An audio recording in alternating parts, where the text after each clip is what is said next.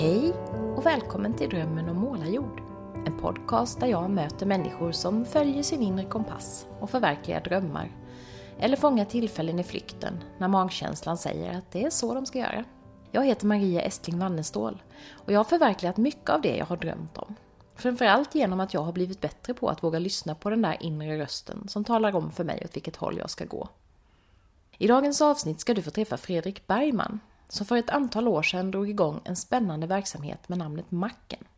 Vad det är för någonting ska du få veta mer om alldeles strax. Men det handlar om någonting helt annat än en bensinmack, så mycket kan jag säga. Jag träffade Fredrik för första gången för några år sedan i ett intressant sammanhang som jag tänker berätta lite kort om. För fem år sedan blev jag kontaktad av en kvinnlig bekant som jag bland annat hade pluggat med på universitetet.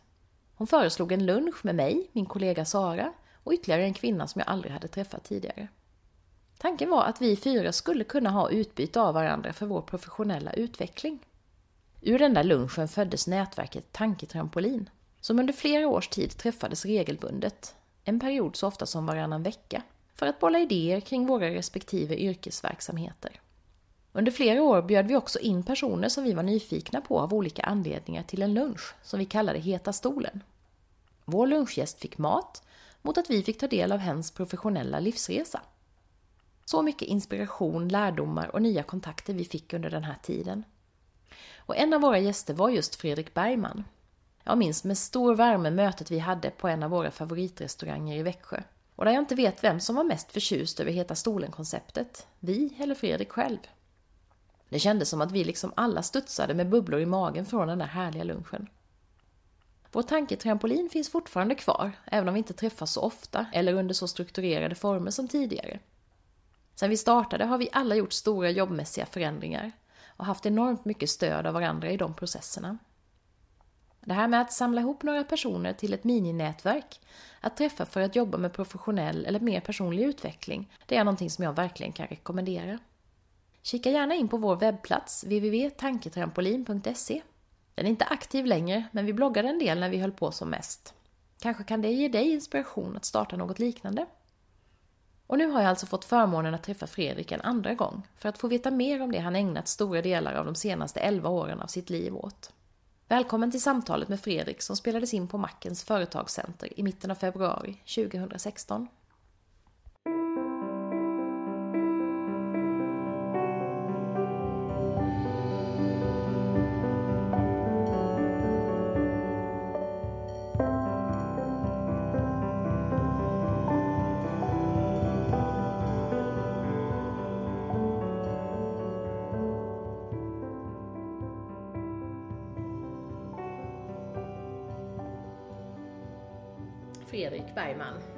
Oss Växjöbor så förknippas du väldigt, väldigt mycket med verksamheten som kallas för Macken. Mm. Och den ska vi prata om. Mm. Men jag tänkte först, jag är lite nyfiken på dig som person.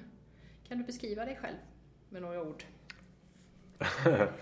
jag har ju nu, jag är en typisk ADHD. Det, eh, det är den korta beskrivningen. Ja. Eh, eh, det har man ju inte förstått för de sista åren, vid 50-årsåldern alltså. Nej. Men egentligen har det alltid varit så. På, på gott och ont, så äh, det är väl ett sätt att beskriva ja. mig. Jag är också en, på många sätt en vanlig svensk medelklass äh, i medelåldern.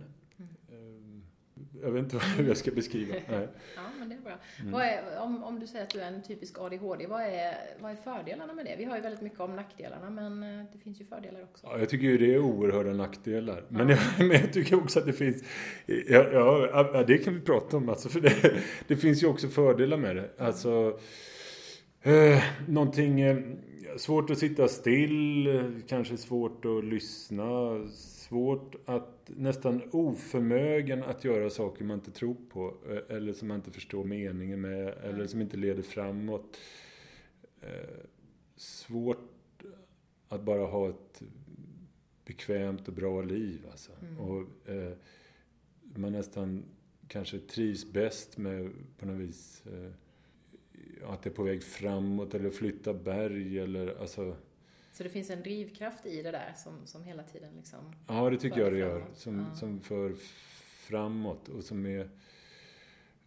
Um, Ja, någonting frustande. Jag tycker också det är intressant. Jag, jag, just nu skulle jag kunna beskriva mig som en, en vanlig ADHD. Men eh, alltså, jag har läst hela hyllan om ADHD de sista två åren och, och det hade jag aldrig reflekterat över innan. Men eh, det är också intressant att det här är mycket ärftligt. Och, alltså, mm.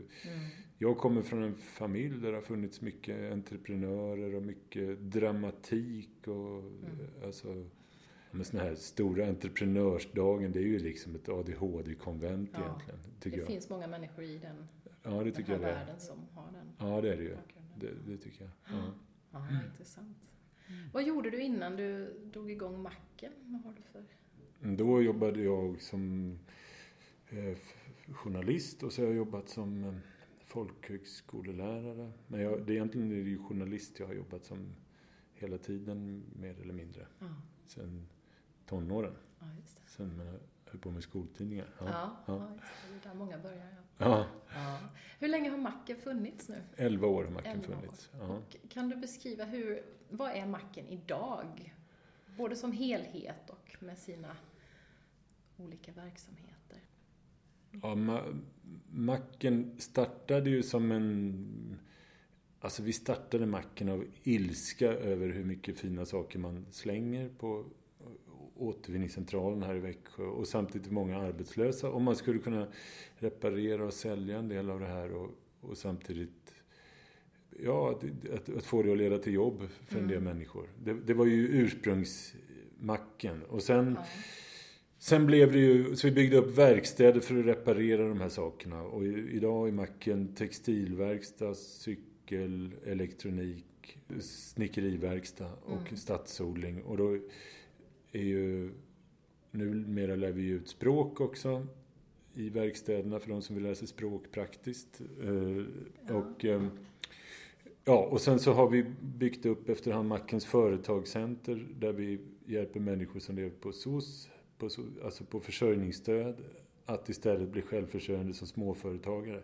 Och vi har ett liksom ackord från kommunens sida att tio familjer ska lämna SOS varje år och försörja sig på småföretag. Mm. Så, och sen har Macken en designavdelning som utvecklar redesign. Och, ja, det, det är ungefär Macken, de här delarna. Ja, många ja. olika delar. Ja. ja just det. Eh, vad, vad, är det som är, alltså, Jobbar ni lika mycket med alla de här eller är det något som är mer kärnan och sen det andra mer eh, sidoverksamheter? Eller ser du det som att alltihop... Liksom jag tror att alla tycker att deras del är kärnan. Ja, men, men jag vet inte, det är ju... Det, det, här har ju... Macken har ju liksom vuxit. Det fanns ingen affärsplan eller något sånt. Det, det, det har ju vuxit organiskt utifrån vad eleverna vill och samhällets efterfrågan lite grann och vad vi ville. Så det är ju Ibland har man forskat om macken, att det är liksom en... Stammen är för bräcklig för att bära alla dessa grenar och ja. eh, macken hotas av implosion och, och det är ju kanske riktigt. Eh, samtidigt är väl det eh, någonting intressant också att eh, allt måste ju inte se ut som ett traditionellt företag och det måste inte heller se ut som en myndighet utan det här är ju macken och vi är någon slags mackapärer vi som jobbar ja, här. Ja. Är ni fristående? Du, sa, du nämnde kommunen där, men har ni liksom samarbetspartners sådär? Eller är ni... Ja, vi är ju ett fristående företag, mm. men så har vi avtal då med både privata företag och med kommun och med Arbetsförmedlingen och ja. folkhögskolan och så. Så vi eh, är ju ett privat företag som hela tiden kämpar för vår ekonomi och, mm. som alla andra företag. Men vi har då liksom olika avtal. Mm. Men vi har ingen så här trygghet egentligen. Att Nej. vi får någon sån här gapa och svälj-trygghet har Nej, vi faktiskt inte. Inga Nej. tydliga bidrag eller så. Nej. Nej. Du, stadsodling är jag lite nyfiken på. Det är ju någonting som har kommit till ganska nyligen va? Mm. Ja. Eller hur länge har ni hållit på med det? Egentligen, ja det ser ju ut som det. För, ja. för innan var den osynlig. Ja. Den började... det bara vi andra har fått syn på den också. Ja, precis. Ja. Mackens stadsodling började med en kolonilott som man sen året efter blev två och sen blev det fyra. Elva, då var jag ganska involverad. Det var elva kolonilotter. Och sen försökte vi hitta ett större område och sen fick vi ett helt gärde liksom. Ja. Där vi är nu då. Mitt i stan. Mitt i stan. Ja. Och, eh, och alltihopa är ju uppbyggt kan man ju säga runt några fantastiska odlare.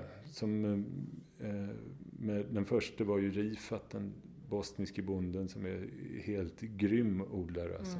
Mm.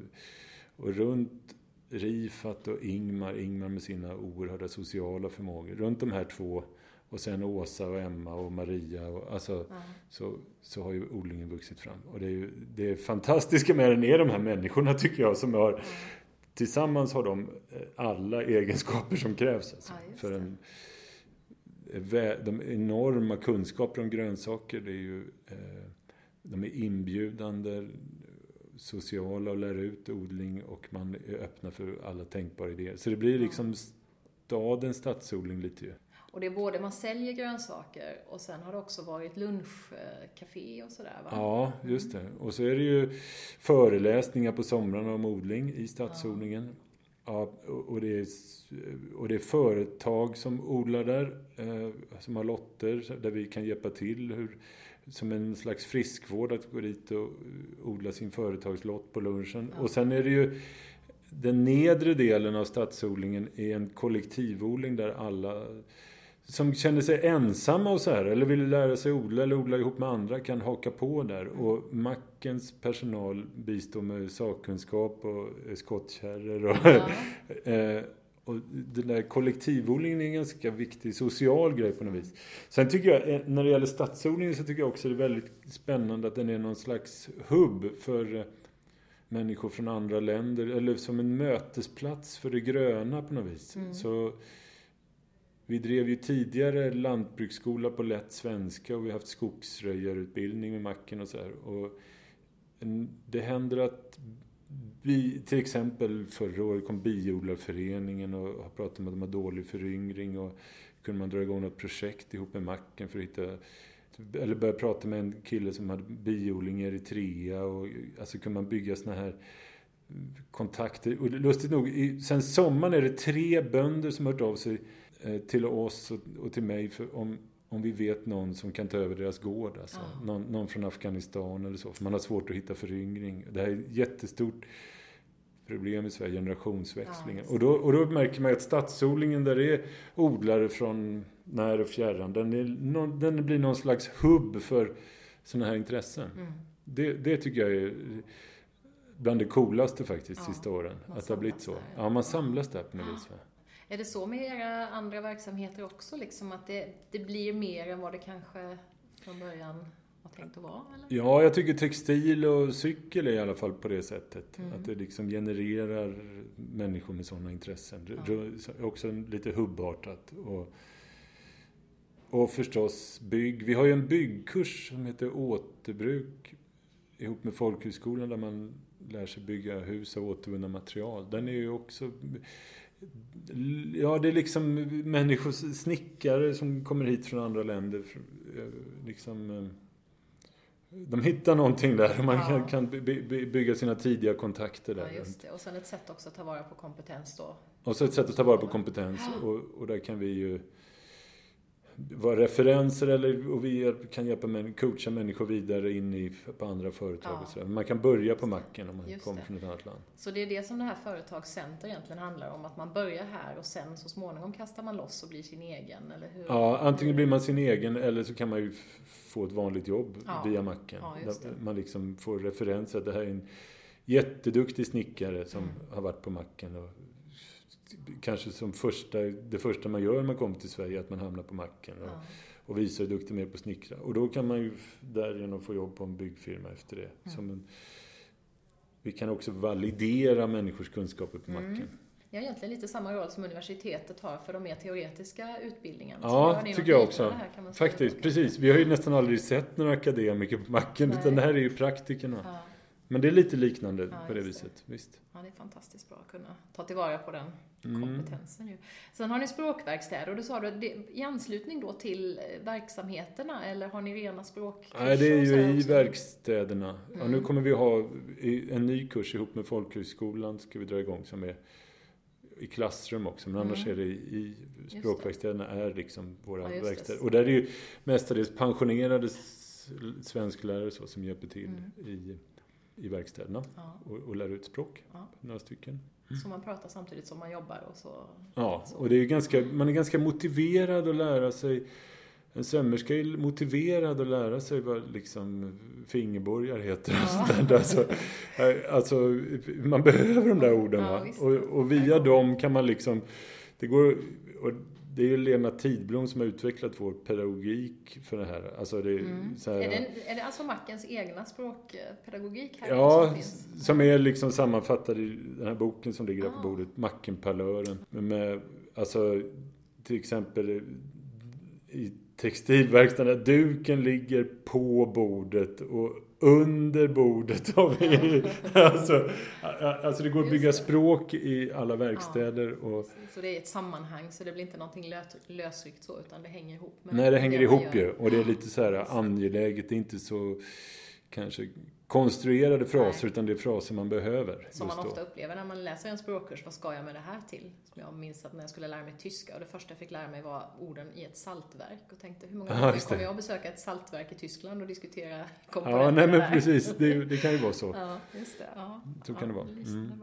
Du, Macken är väl ett socialt, det definieras som ett socialt företag? Ja, i, ja. Vad, är, alltså, vad står det för egentligen? I Sverige är det tycker jag, lite flummigt. Men, alltså, Egentligen kan ju alla kalla sig för socialt företag och det är allt mellan McDonalds och kommunen, höll jag på att säga. Mm. Alltså, men Tillväxtverket och regeringen antog för några år sedan en definition man kallar för arbetsintegrerande sociala företag. Och det är ju med definitioner då att det, de som arbetar ska vara med och äga företagen. Man har inte något traditionellt vinstsyfte utan vinsten återinvesteras i verksamheten. Och, och lite sådär. Mm. Och, och, och då, enligt de kriterierna så är ju macken ett arbetsintegrerande socialt företag. Mm. Men så tycker jag det är lite sorgligt att i Sverige har man ju inga upphandlingar för arbetsintegrerande sociala företag. Så som man till exempel har i Italien för det som kallas för sociala kooperativ där. Så det är ju ingen, den här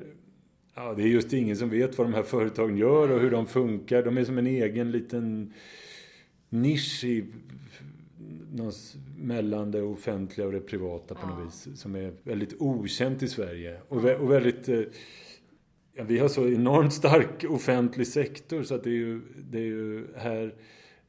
Här liksom lever de ju i skymundan de här organisationerna mm. i ett sånt här land. För det, det är liksom... Om vi jämför oss med Italien där det är svaga kommuner, de har inga pengar, då, då blir de här organisationerna väldigt viktiga. Ja, för att människor ska ha någon chans överhuvudtaget. Men i eh, Sverige har, har ju kommunerna, många kommuner väldigt god ekonomi. Man har råd att tillsätta åtgärder eller alltså, och då har de här aldrig den här sortens organisationer har aldrig fått något riktigt fotfäste i Sverige. Mm. De är fortfarande väldigt få och bräckliga. Mm. Men vad innebär det rent konkret för er på macken att det är den här typen av, av företag? Du sa att man, man äger tillsammans och så. Alltså hur, ehm, hur definierar man roller mellan arbets... Ja, det är väldigt intressant och, och rätt så svårt här att vara... Alltså, ja. eh, vi är väl 30 anställda ungefär här och det är 18 eh, som är med och äger. Alla som har jobbat i ett år kan lägga 500 spänn och bli delägare i macken. Ja. Och slutar man får man tillbaka sin 500. Och sen blir det ju liksom medlemmarna tillsätter styrelse. Styrelsen tillsätter ledningsgrupp och ledningsgruppen är chefer över verksamheten. Mm. Men, men de, är ju led, de som sitter i ledningsgruppen är ju chefer över medlemmarna som i sin tur är deras chefer. Ja, så, det här är ju, så det har ju hänt ett par gånger i Mackens historia att de som en chef chefar över kan avsätta chefen och mm. gör det också om de inte är nöjda. Och därför är ju man kan ju inte liksom slicka uppåt och sparka neråt i ett sånt här Nej. företag. För då, då lever man risigt. Nej, Nej just det. Utan här, här får man ju vara både... Om man är chef här får man ju vara lyhörd både åt alla håll. Ja. Och, och liksom lever mera på förtroende skulle jag nästan säga. Eh, än vad man kanske alltid annars gör. Mm. Det är verkligen medlemmarna kan ju byta ledningsgrupp hur lätt som helst ja. om de vill. Ja. Så det är ganska intressant och spännande. Men jag menar nu en sån grej som till exempel nu på måndag när vi har... Ja, det får du gärna komma på Maria. Vi har förhandsvisning av SVT har gjort en dokumentär Just om macken. Ja. Och det är förhandsvisning på Palladium på måndag. Men då är ju, jag vet inte, men äh, vi är jättemånga på macken som ska baka kakor för den här förhandsvisningen och göra liksom tunnbrödsrullar och, och under helgen ideellt. Och det är inte alls konstigt för oss. Det Nej. kanske hade varit konstigt i andra företag att man gör det så. Men det är ju någon slags, här finns fortfarande man, man får sitt pröjs härifrån men man är också ganska mycket ideell. Ja, och, och Och alla lite, känner ett ansvar liksom för verksamheten. Ja, det tycker jag. Alla känner ett ansvar. Ja. Sen är det ju väldigt stökigt med kooperativ. Det är ju klart mer konflikter Mm. och det är ju otydligare. Om det är en som äger är det ju tydligt vem som har sista ordet och vem som Ja. bestämmer. Här är, ju, här är ju vänner av ordning kan ibland fara illa här alltså. För det, det blir inte den tydligheten. Ja, det är just eh, macken liksom har någon slags eh, larvfötter som rör sig framåt i Ja. någon slags eh, så här, social lyhördhet och lite två steg framåt ett steg bakåt. Det, det, det är ett annat sätt att fungera på på Ja. något vis kanske. Ja, men det är jätteintressant. För det, är, det är ju inte många, tror jag, som har inblick i hur det verkligen fungerar i ett sånt här eh, företag. Man kanske har hört talas om dem, men, men vad som verkligen händer där, det är jättespännande. Ja, ja men det är det ju. Ja. Du, du berättade ju om den här idén om att återin, återvinna material och försöka liksom para ihop det med, med människor då som är utan arbete. Men hur har, hur har resan sett ut? För ni är ju, nu är, är ni ju jättestora och med jättestor verksamhet. Har det varit en, en smidig resa tycker du? Eller har det varit mycket motstånd och hinder och knöl på vägen från den där första idén till det ni har idag? Mm, ja, det, jag, jag tycker det har varit en väldigt intressant men också väldigt rätt svår resa. Jag, Mm. Överhuvudtaget, det är ju... Det har varit mycket konflikter, det har varit mycket arbetstimmar, det har verkligen varit viga sitt liv, kanske mer än vad man hade tänkt sig åt Mm. detta. Ja, eller absolut mer än vad man tänkte sig från början. Eh, och det har också varit ehm, ibland man konkurrerar både med privata företag och ofta med kommunen också. Mm. Och, och det är och rätt svårt att navigera i det här, eh, tycker jag det har varit. Och det tror jag det är för alla sådana här arbetskooperativ eller arbetsintegrerande sociala företag i Sverige. Ganska svårnavigerat eftersom vi har hela, jag menar, alltså våra barns samhällskunskap. Det finns inte ett ord om att någonting, någon slags tredje sektor eller arbetsintegrerande sociala företag. Det nämns inte i verklighetsbilden bara i, i skolorna. Utan det här är ju någon... Det, det är liksom utanför Ja. mediernas värld också nästan. Det, det är ju... Det här är någonting vi får muta in själva och, och, och försöka hitta en plats för. Och, och, och det, är ju, det tycker jag har varit en utmaning Ja. faktiskt.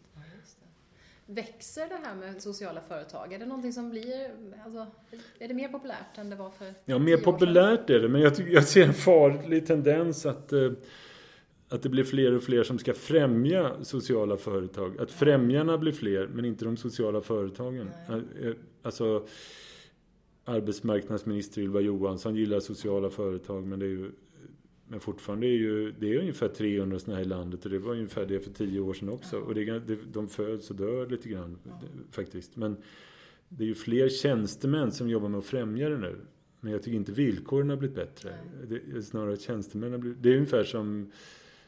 Jag har skrivit en krönika om det här. Det är ju samma på dokumentärfilmsområdet. Det är fler tjänstemän som Ja. främjar dokumentärfilmen. Stöden är inte, är inte större. Och snarare tvärtom. Och, eller med jättemånga tjänstemän som främjar bondenäring och jordbruksstöd. Men bönderna har ett helvete. Ja. Och, och, så, Så mycket idéer, lite sån så tendens ser man, verksamhet. tycker jag. Ja, mm. Om du skulle tänka efter, vad är det allra bästa med macken och ditt arbete där, tycker du? Det bästa med macken, det, det, det kan ju vara sånt här vanligt som idag när vi Eddie fyllde år och vi käkar tårta. Jag tycker det är såna här vanliga trivselgrejer. Och egentligen är de inte så annorlunda än andra firmer. Eh, Eller vår orkester, vi ska repa med vår liksom personalorkester klockan fem idag. Det är skitkul. Eh, Alltså, nu för tiden tycker jag det är eh, såna här ganska vanliga saker. Att få röka en cigg med Susanna eller jag vet inte. Det, det, det, det, är det jag uppskattar mest. Skratta med någon bara, jag vet inte. Innan var kanske mera erövra eller slå världen med häpnad. Men jag, jag vet ja. inte, vi, man, nu är det så många år som har gått så nu är det, ja, det, det nog blivit mera. Är det så att man blir lite, man blir lite blasé för sin egen insats? För du gör, jag menar, ni gör ju någonting väldigt, väldigt bra för världen. Men är det så att man blir lite, man blir lite van vid det som man inte riktigt tänker på? Ja, så är det ju. Så är det ju. Ja. Man, ja, eh, sen är det ju inte så bra, alltså Ja men ibland har vi, är det vi gör snyggare i en tidningsrubrik än i verkligheten. Ja. Och, och, det är ett absolut problem, vår fattigdom på något vis mm. genom alla år. Och, eh, som gör, ja det tär på krafterna, det är för många korta anställningar. Och, mm. Eh, för man vågar inte anställa länge, man vet inte hur ekonomin ska bli. Någon slags oro. Samtidigt är det något väldigt eh, Intressant i det också förstås, att varje gång det blir kris på riktigt så är det väldigt många och starka krafter som mobiliseras på macken. Mm. Det blir en folkrörelse, det finns ett movement här liksom. Ja. Men, det är ju, men jobbigt är det, det är ju skitjobbigt. Ja. och, och jag tror att de här, den här sortens organisationer har ofta dålig ekonomi och ska väl egentligen ha dålig ekonomi också. För det, här på macken är ju så, det är alltid många människor som varit arbetslösa länge som praktiserar här och vill ha jobb eller elever som är duktiga och vill ha jobb. Eller, alltså, så, eh, kön av de som vill ha och som är vär, verkligen väl värda en anställning på macken, den är liksom eh, ändlös på något vis. Mm. Och därför är varje spänn här är ju, är ju liksom upptingat till anställningar eh, hela tiden. Och, och det det, och så ska det ju vara, tycker ja. jag. Så, när vi börjar säga att vi har en god ekonomi, då är det ju ja, det, det är illavarslande. Ja, faktiskt. ja. ja, vad intressant. Du, eh, den här dokumentären som du nämnde, mm. som Tom Arland har gjort, mm. som är känd dokumentärfilmare. Hur eh, fick han nys om er? Hur kom det sig att... Det var så här att jag, eh, jag har ju ett förflutet som journalist alltså. Och han brukade föreläsa när jag jobbade med journalistutbildning. Mm. Så jag har känt honom i många år. Och sen så var, gav jag honom ett tips på en film för några år sedan. Som vi hjälptes åt med lite grann. Mm. En film om den första, prästen, första kvinnliga prästen i Småland, Inger Svensson. Och sen så när vi, ja sen sågs vi väl inte på ett år. Sen så käkade vi lunch för ett år sedan och då frågade han vad, vad fan jobbar du med nu? Och, och så berättade jag om Mac. Ja, det där vill jag göra film om. Och så, och så, ja, så blev det. Så, hur har det varit att ha eh, filmteamet här då? För de har varit här på plats då och intervjuat och följt verksamheten och så, eller hur? Ja, de har varit här och, och bott på Stadshotellet och följt oss under tre veckor i tre års tid nu. Mm. Eh, ja, jag, tyckte, jag tycker det blev en väldigt fin film. Vi, mm. vi var i Stockholm i tisdags och fick se den färdiga filmen. Ja.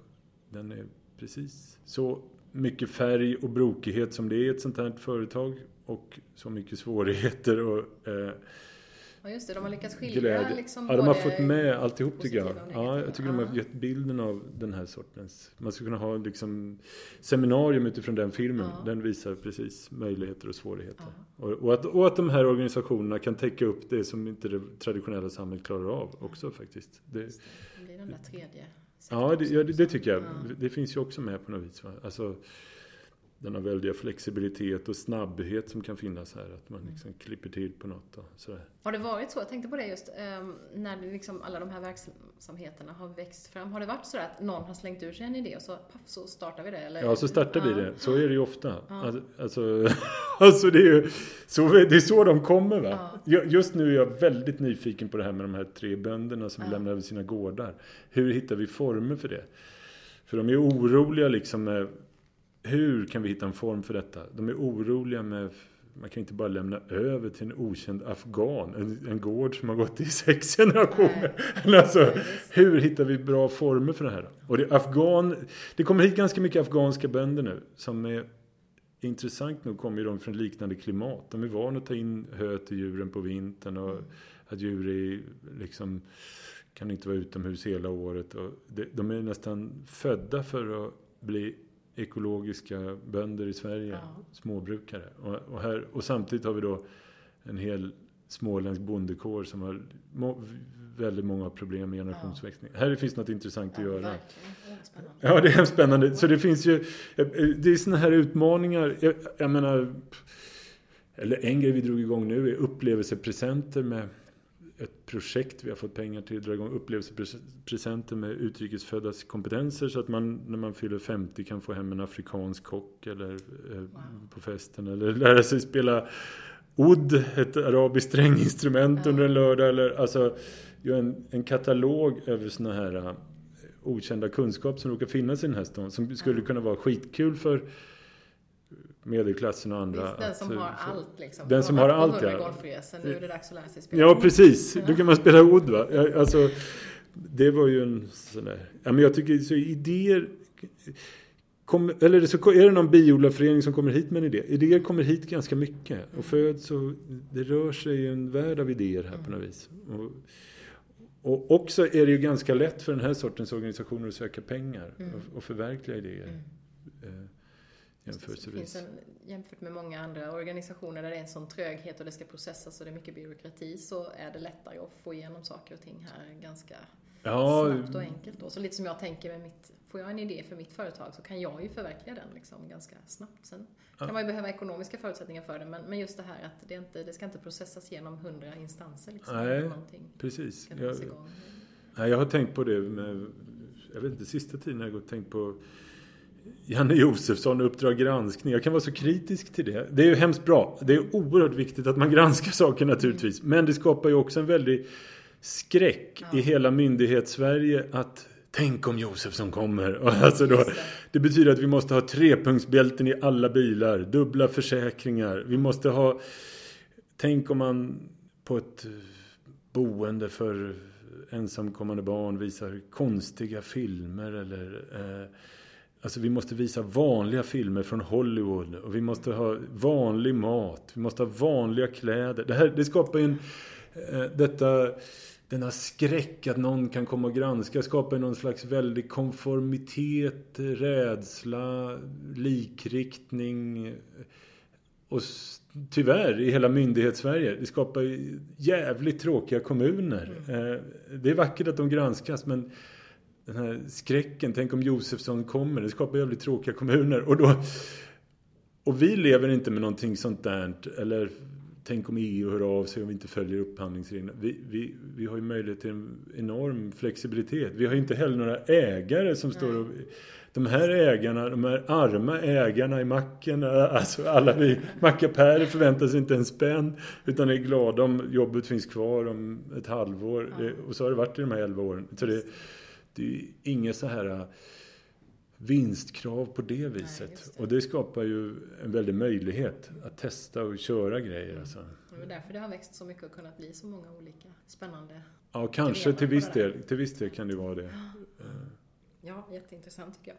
Hur tänker du om framtiden för macken? Kommer det fortsätta utvecklas och komma nya sådana här grenar eller eh, är ni liksom färdigväxta nu? Eller? Ja, nu är det faktiskt, just nu när du frågar precis nu så har macken lite, tycker jag, någon slags kris för vi vet inte riktigt vart vi är på väg. Och, eh, man måste ändå ha någon slags dröm som förenar alla och förstår vart man är på väg. Vi, vi var på väg till återbruksbyn, den här byn vi ville bygga liksom i Växjö mm. med ett center cirkulär ekonomi. Så det varit så ovisst hur blir det överhuvudtaget och långbänk och projekteringsfaser och, det, och alla börjar, man hör på macken, kommer det någonsin bli det här? Och då, och då måste vi nästan skaffa en annan dröm i sådana fall. Det, det, det, är väldigt, eh, det, det, är viktigt att det är någonting som förenar alla. Någon slags, vi ska till Shangri-La på något vis. Jag vet inte. Nej, men vi, det, och det har vi inte just nu. Ja, kan, man kan också se att vi som varit med i många år börjar, det är dags för oss att växla över till ja. en ny generation. Och också det här, eh, alltså det går ju inte hur länge som helst att försumma sig själv och sin... Nej, har du gjort det mycket känner du att du liksom har Ja, jag tycker det. Här i macken? Jag tycker jag har gjort det för mycket. Och, mm. och det är ju... Det här, alltså det är ju, det här kristna på något vis det där älska din nästa så som dig själv. Man ska nog fan inte glömma det där, dig själv. Alltså det, eh, för man kan älska en idé eller älska en sån här organisation eh, så pass mycket så att man går förlorad i det lilla. Och det, det, det, det tycker jag det, det, är den världen jag vill erövra mer just nu, ja. personligen. Den lilla världen. Och det har du gemensamt med fler poddgäster här, för jag tror att det är så för många som, som liksom, ja, verkligen följer sitt hjärta, förverkligar en dröm och man går in i det till tusen procent och glömmer ibland sig själv i ja. det här. Det tror jag är ganska vanligt. Och det är ju väldigt synd, för då kan ju, då kan ju den här drömmen tyvärr åt skogen ibland. Ja, den kan ju det. Och, Nej, precis. Så.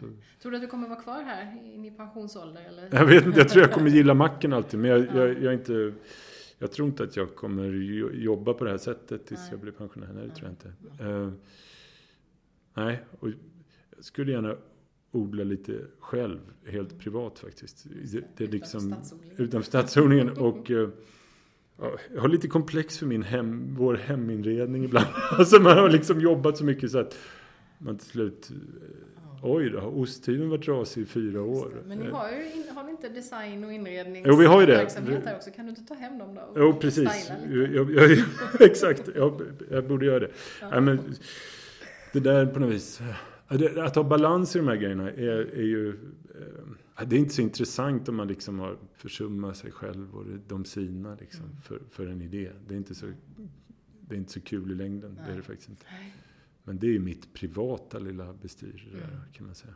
Men där befinner jag mig i det privata. Ja, och du är inte ensam om det tror jag. Det är Nej. Som känner så. Eh, en sista fråga. Eh, om det är någon som lyssnar nu som eh, funderar på det här med att starta ett socialt företag eller ja, förverkliga en dröm av, av något slag eh, liknande er på macken. Har du något tips eller råd, någonting som du har lärt dig som du önskar att du hade vetat från början? Ja, eh, jag tror att eh, man ska se en fantastisk grej när man jobbar i ett kooperativ på det här viset. Och så mycket människor och så mycket olika meningar och faktiskt konflikter som det ibland är gör ju att man lär känna sig själv rätt bra. Så man, ska nog, man har förstått hur, liksom, hur lite det är jag kan och att mm. eh, jag är bara en liten pusselbit i det här som är mackens pussel. Och för att det ska funka så behövs det så många andra pusselbitar. Eh, och det kan jag se om det kommer hit någon ibland som tror sig vara som inte har levt i en sån här organisation. Om man exempelvis är, jobbar som lärare. Man får beröm hela Alla elever är snälla mot en för alla vill ha gott betyg. Och man liksom möter ju bara elever. Så man kan ju ha en föreställning att jag är jättebra, jag är världens mest kunniga, jag är världens bästa estradör här i klassrummet. Jag är jag skriver bäst, så som jag skriver meningar ska alla göra. Och, och så, därför man, man får egentligen ingen kritik. Eh, man, eh, man blir inte medveten om sina svagheter. Men det blir man eh, på macken. Och jag tror det här att man ska gå in i någon sån här organisation med väldig ödmjukhet av jag vet, jag vet verkligen hur lite det är jag kan och jag vet jag har fått så mycket kritik för allt det jag inte kan och inte är bra på. Man har ju fått mm. någon slags självkännedom på, den här, på det här stället. Och, då, och därför jag, det är också en, när jag började med att säga liksom, jag, jag är en ADHD. Det är liksom också efter 11 år med macken så kan jag säga det ganska tydligt att eh, ja, jag, jag är en sån människa på gott och ont. Så, det, det, så någon slags eh, ska man vara i kooperativ så får man vara eh, ganska ödmjuk på något vis med sina förmågor och tillkortakommanden. Ja. Om det ska funka tror jag. Det var väl ett bra råd. Ja. Tack så hemskt mycket för att du ville vara med. Och lycka till med Kul. egen odling och annat. Ja, det ser jag fram emot. En Aha. egen odling ska det bli i år. Ja, ja, tack ska du ha. Ja, schysst, tack.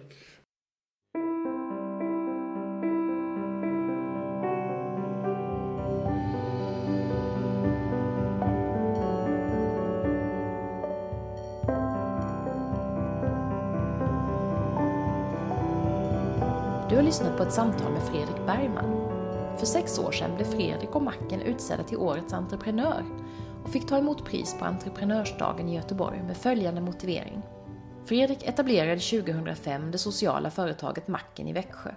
Genom att med stor hängivenhet ingjuta mod i nya svenskar och andra marginaliserade samhällsmedborgare har han förmått dem att starta egna företag med början i Mackens särskilda företagshotell. Fredrik Bergman och hans medarbetare skapar på så sätt en långt större tillväxt än Mackens egen.